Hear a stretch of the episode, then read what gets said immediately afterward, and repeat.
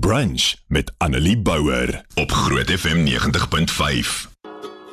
Vandag gaan ons so 'n bietjie praat oor spreeklewe, siende dat die insetsel se naam spreeklewe is en dit is iets wat nogal 'n moeilike onderwerp is en wat ek hoop jy my hart gaan hoor as ons hieroor praat. Maar gereeld het ek al in my lewe gehoor, insluitende die naweek wat verby is, dat ek iets sal sê en dan sal mense vir my sê 'n uh, spreeklewe. So jy het seker ook al gehoor dat mense hierdie uitdrukking gebruik. Dit het selfs dalk al met jou gebeur dat jy iets sou sê soos ek is besig om siek te word of dit gaan nie, jy weet, ehm um, hierdie week gaan te rof wees of ek gaan nie hierdie reg kry nie of iets wat hulle dan voel is negatief en dan word jy omkant gevang deur iemand wat jou vermaan en jou waarsku en sê moenie dit uitspreek nie. Spreek lewe. En mense sê dit so maklik vir ander mense en hulle bedoel daarmee dat jou woorde skepende krag het dat dit wat jy sê gaan gebeur. Daarom moet jy nooit negatiewe dinge sê nie want dit gaan die situasie vererger. Jy moet eerder iets sê soos ek is ryk, ek is geseënd en dan gaan jy skatryk word. As jy siek is, moet jy eerder sê ek is gesond, dan sal jy genees word. Dit is wat dit beteken as jy sê moenie dit spreek nie. Dat jou woorde skepende krag het. En ek moet eerlik wees, en hierdie is my opinie, maar ek het 'n probleem met dit. Want ek glo net God het skepende krag. Ek as mens het nie daai krag nie. So as ek dan nou iets uitspreek wat positief is, moet dit gebeur wat beteken ek het skepende krag. En daarvan hou ek nie want dit voel vir my ons vat van God se krag en mag weg en ons gee vir onsself baie meer krag en eintlik baie groter verantwoordelikheid as wat 'n mens kan dra. So ek het 'n bietjie gaan navorsing doen en ek het gaan kyk waar kom dit vandaan? Kom dit net so uit die Bybel uit of waar kom dit vandaan dat mense sê spreek lewe of moenie dit uitspreek oor jouself nie? En toe tot my skok besef ek dit was 'n Amerikaanse baptis, sy naam is Isaac Kenyon. Hy het in die 19de eeu sy siening van die mens se vrye wil met New Thought metafisika vermeng en gesê dat die mens 'n god is en dat jy jou deur jou denke van siekte en armoede kan bevry en dat jou woorde skepende mag soos God het. Veral dan op die terrein van materiële dinge. Jy kan deur woorde 'n beslissende invloed op jou lewensstandaard hê. Volgens die ou nou, dis nie wat ek sê nie. Dis nou volgens Ezzy Kenyon. Hy sê die situasie waarin jy jou vandag bevind is die gevolg van dinge wat jy in die verlede oor jouself uitgespreek het. En daarom moet jy net aanhou om God se woord hardop uit te spreek sodat jy dit vir jouself kan sien gebeur en dat dit 'n realiteit kan word. En ek voel bietjie ongemaklik oor dit. Want skielik haal ons God in my opinie uit hierdie sommetjie uit. En het ons hom nie nodig nie want ons kan dan mos nou self dinge laat realiseer. En mense gebruik ook Bybelverse daar's heelwat. Hulle van die wat ek die meeste hoor is Jesaja 55, Romeine 4 en ek sê altyd en jy weet as jy met my gereeld spreek lewe luister, ek sê altyd moenie net 'n versie gaan lees nie. Asseblief, jy kan nie die Bybel oopmaak. Jy gaan nie 'n SMS kry of 'n e-pos kry en by die 5de sin begin nie. Jy gaan die hele e-pos lees anders gaan dit nie sin maak nie. En dit is hoe die Bybel gelees moet word. Jy moet die Bybel lees ten minste 'n hoofstuk in 'n Bybelboek as jy nie die hele Bybelboek gaan lees op 'n slag nie. Lees ten minste die hoofstuk deur sodat jy konteks het, konteks het sodat jy weet wat aangaan.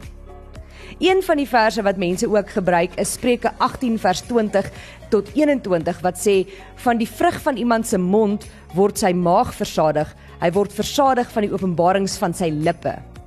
Dis die 1953 vertaling wat dit so sê.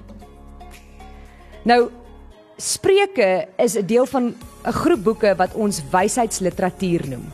Ons leer in Spreuke van wysheid wat van God afkom. Wysheid is om in diens van die Here te lewe. Die teenoorgestelde daarvan is om weg van God te wandel en jou nie deur sy woord te wil laat leer nie. Spreuke leer ons om ons woorde versigtig te kies want dit dui die toestand van ons harte aan.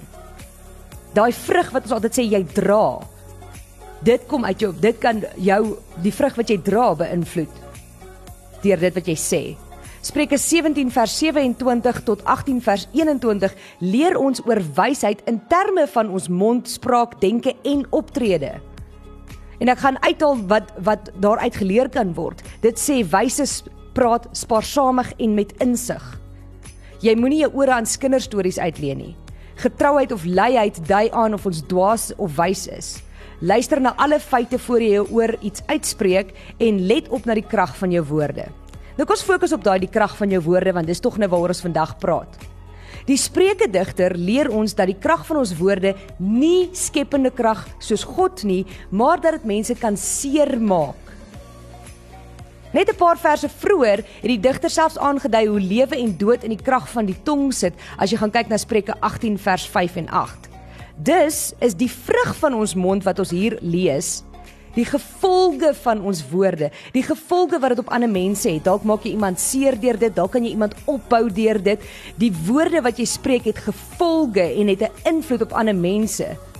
Of dit nou goed of sleg is. Ons woorde het daadwerklike gevolge en ons kan mekaar daarmee of opbou of afbreek.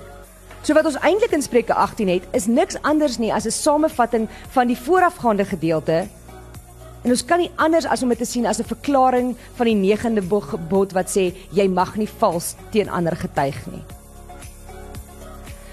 Nou hierdie soos ek sê is 'n moeilike ding. Maar as jy gaan kyk na Genesis en Genesis 1 leer ons hoe God alles geskep het. Daar staan toe het God gesê en dit was so.